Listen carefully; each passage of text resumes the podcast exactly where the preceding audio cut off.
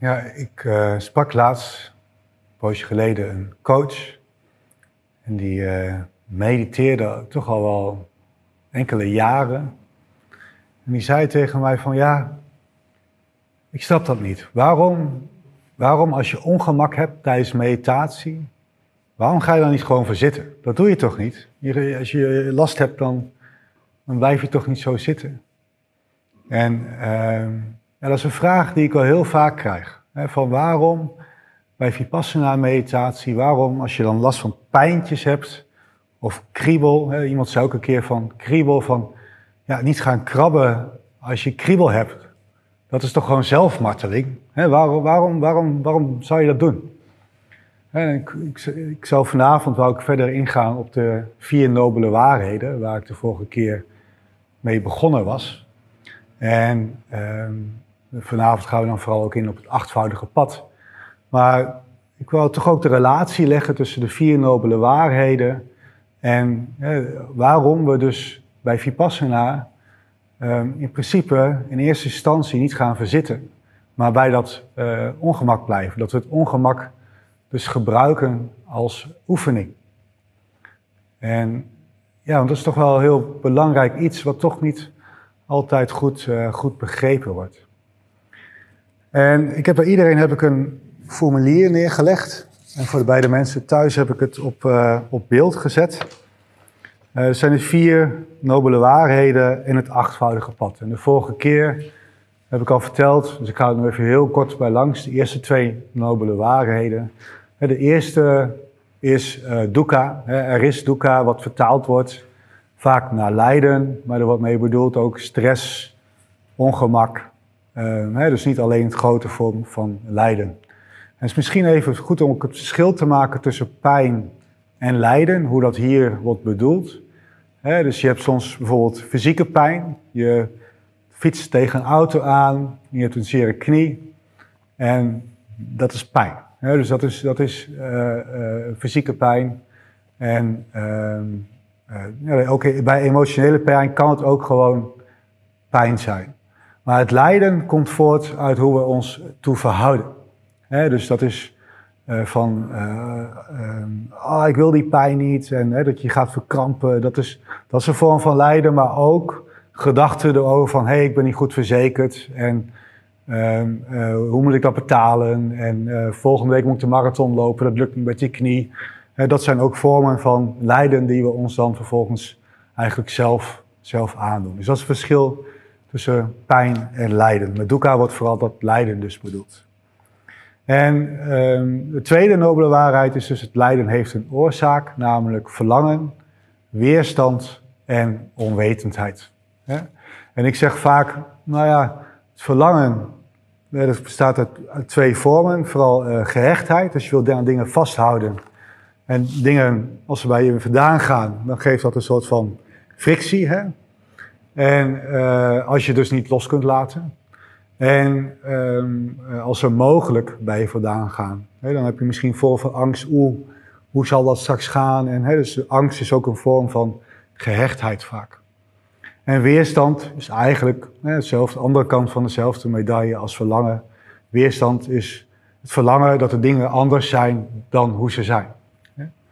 En onwetendheid is nou, veel, heel, heel breed. Um, enerzijds ook dus niet inzien hoe dit leidt tot vormen van dukkha, tot vormen van stress, ongemak en lijden.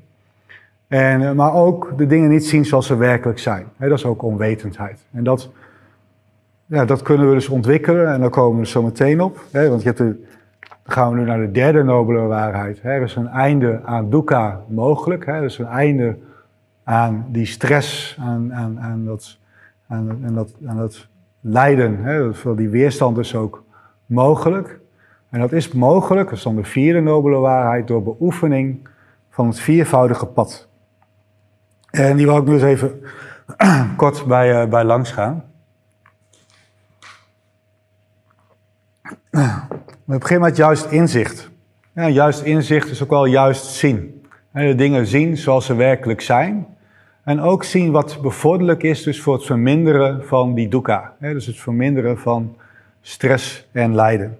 En ja, de meeste mensen, en ik ook zelf hoor, ik moet er nog steeds, ik, weet, ik heb er zoveel bestudeerd en, en onderzocht en daar leer, ik, daar leer je steeds in. Dus door meditatie en reflectie blijf je daar steeds verder in, uh, in verdiepen. dus en, dat, en, en samen met juiste intentie uh, vormt dat een groepje wijsheid. En wijsheid is dan weer een tegengif voor die onwetendheid, hè, die uh, bij de tweede nobele waarheid is. En juiste intentie wil zeggen uh, dingen die opkomen, ehm, ja, zijn die bevorderlijk om erop in te gaan? Of is het niet bevorderlijk om erop in te gaan?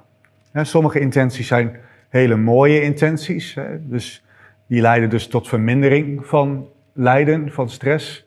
En sommige intenties, ja, die leiden tot uiteindelijk meer lijden en stress. En ook dat onderscheid maken dat, hè, van wat, wat leidt nou wel of niet tot meer vormen van dukkha, ja, dat kunnen we dus ook leren door en reflectie en ook door, door de meditatie. En uh, die twee samenvallen onder wijsheid, hoewel intentie, daar heb ik ook een pijltje naar beneden staan, die valt ook wel onder het andere andere uh, groepje. Uh, juist spreken, juist handelen en juist levensonderhoud. En nu staat er het woordje juist overal. En zelf gebruik ik, zo wordt het meestal vertaald namelijk. Maar zelf gebruik ik liever het woord bevorderlijk. juist is zo'n vingertje van dat is goed en, en dat is fout. Maar dat, dat is eigenlijk niet hoe het echt bedoeld wordt. Het is meer van, is het bevorderlijk? Leidt het tot vermindering van lijden? Of is het niet, niet bevorderlijk? En, en je zou ook het woord mooi kunnen gebruiken. Zelf vind ik dat nog mooier. dus als je het hebt over eh, een mooie intentie, is het een mooie intentie die opkomt? Of is het niet zo'n mooie intentie die opkomt? Dat geeft een heel ander gevoel. En het geldt dus ook voor juist spreken. Dus juist spreken, er wordt mee bedoeld, niet roddelen, eh, de waarheid spreken, uh, nee, dat, dat, zijn allemaal vormen van juist spreken. Dus je kan zeggen mooi spreken. Mooi is, is, ga, ben ik van plan om wat ik nu ga zeggen, is dat mooi spreken? Of is het eigenlijk niet zo mooi spreken? Dus, dat is veel, ja, geeft een heel andere lading, dat woord. En juist handelen, dat spreekt dus ook voor zich. Dus uit, uit de intenties die opkomen, gaan we dus juist spreken of juist handelen. En dus je kunt nagaan als die intentie opkomt, is het een mooie intentie of niet? Maar meestal hebben we die opmerkzaamheid niet. Dus daar moeten we ons in trainen om daar opmerkzaam op te zijn van oké, het is een uh, mooie intentie. Oké, dus dan kan ik ook vanuit daar gaan handelen of spreken. Want dan ga ik ook mooi handelen en mooi spreken. En dus opmerkzaamheid vraagt dus ook van, hey, is het geen mooie intentie? Uh, om dan ook te zeggen van, oké, daar ben ik niet reactief op. dus ik, ik, dus opmerkzaamheid geeft een keuze. Opmerkzaamheid geeft een mogelijkheid om te zeggen van, oh, het is geen mooie intentie die opkomt. Uh, dus dus ik, ik, ik, ben niet reactief. Ik laat het bij die intentie en ik laat hem weer gaan. dus, dus dat is ook de kracht van mindfulness, van, van, van de opmerkzaamheid. Om dat uh, ja, steeds verder te laten groeien. En juist levensonderhoud is, eh, gaat vooral over wat, wat, wat doe je om uh, je van inkomen te voorzien. Hè? Om, van, ja, om, om in je onderhoud, in je levensonderhoud te kunnen voorzien. En heel sec wordt vaak gezegd van geen handel in drugs, geen handel in wapens, geen handel in dat soort dingen. Maar zelf heb, heb ik ook zoiets van ja, uh, het levensonderhoud, wat ik voor mijn werk doe, levert mij dat continu stress op. Ja, een keertje is niet erg natuurlijk. Je gezonde mate van stress. Maar als je jaar in jaar uit maar eh, te maken hebt van stress, kun je toch wel afvragen of het wel het juiste vorm van levensonderhoud is. Dus het is juist levensonderhoud geldt dus van wat doe je en draagt dat bij aan het welzijn van andere mensen. Maar ook voor jezelf. Is het, is het, uh, is het mooi, mooi werk en, en uh, uh, ja, draagt het bij aan vermindering van, van stress en lijden. En dan heb je het volgende groepje, dat is het groepje uh, wat, wat onder de meditatie valt. Het begint met juiste inspanning. En juiste inspanning is ook weer zo'n eentje, die, valt, die kan eigenlijk net zo goed onder, de ethische, onder het ethisch groepje valt. Want juiste inspanning valt een beetje samen met die intentie die geboren wordt. dus er komt een mooie intentie op, dan vraagt het de juiste inspanning om die niet te onderdrukken, niet tegen te vechten, uh, maar om te laten zijn. En dan, het, zonder er reactief op te zijn, als het geen mooie intentie is. Een juiste intentie is ook, of een ju juiste inspanning, is ook um, uh, wel uh, de mooie intentie tot bloei te laten komen. dus dat op te merken en dat ja, echt tot, tot zijn gang te laten gaan. En, en, en misschien nog meer, ja, nog meer zijn werk te laten doen. Maar juist de inspanning is ook in, de, in een meditatie. Dus in een meditatie um, op te merken, oké, wat, wat dient zich aan? En um, uh, is het een, uh, de gemoedstoestand vooral, is dat een bevorderlijke gemoedstoestand of niet? je hebt de hindernissen, dus je hebt verlangen in een meditatie, je hebt afkeer in een meditatie, onrust, je hebt vermoeidheid, twijfel, de vijf hindernissen. er zijn niet bevorderlijke constructies van de mind, geen bevorderlijke gemoedstoestanden, zo zou je het kunnen zeggen, tijdens de meditatie. En met juiste inspanning kun je die doen verminderen. En uh, met juiste inspanning kun je ook de, de bevorderlijke kwaliteiten, je hebt de zeven factoren van ontwaken ook wel, die kun je juist weer tot bloei laten komen in de, in de meditatie. Dat is ook juiste inspanning. En juiste inspanning is dus ook, je zegt van oké, ik, heb de intentie om op de buikademhaling te letten, om dat niet te geforceerd te doen. En dat je zegt, oké, ik ga nu met alle, met eigenlijk, met, ik, ik ga alles op alles zetten om om bij die buikademhaling te blijven. Het is niet ongewoon dat mensen van ik, ik moet daarbij blijven, ik moet daarbij blijven. Het is veel meer uh, uh, ja, je aandacht daar zachtjes bij laten rusten. dus dat is ook juist de inspanning. En juiste inspanning is dus ook weer niet, dat is de andere kant op. Ach ja, weet je wel. En dat soms, sommige mensen die net beginnen met mediteren, lukt het nog beter de juiste inspanning te vinden dan mensen die al heel lang mediteren. Want die gaan zitten en die zitten daar weer. Reizen, dalen, reizen, dalen. Misschien ken je, dus ik heb dat wel eens hoor. Dan denk ik van, oh daar zit ik weer. Reizen, dalen. en, dus het vraagt best wel die beginners mind weer, de yogi mind, beginners mind. Van, oh ja, nee, ik, ik ga echt, ik wil er graag bij blijven. Maar wel met die milde aandacht. Dus echt die juiste inspanning is ook weer die, die middenweg. En dan misschien goed nog even het onderscheid te vertellen tussen juiste opmerkzaamheid, ook wel mindfulness en concentratie. Want sommige mensen weten niet goed het verschil daartussen.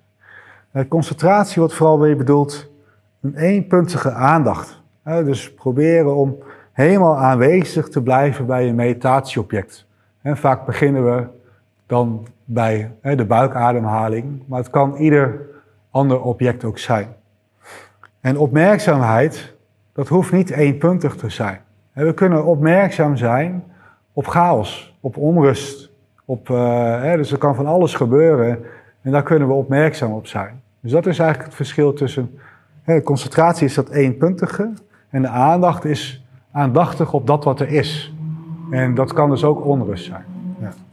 Of, of ja, er kan van alles, van alles zijn wat zich aandient in het, uh, in het bewustzijn.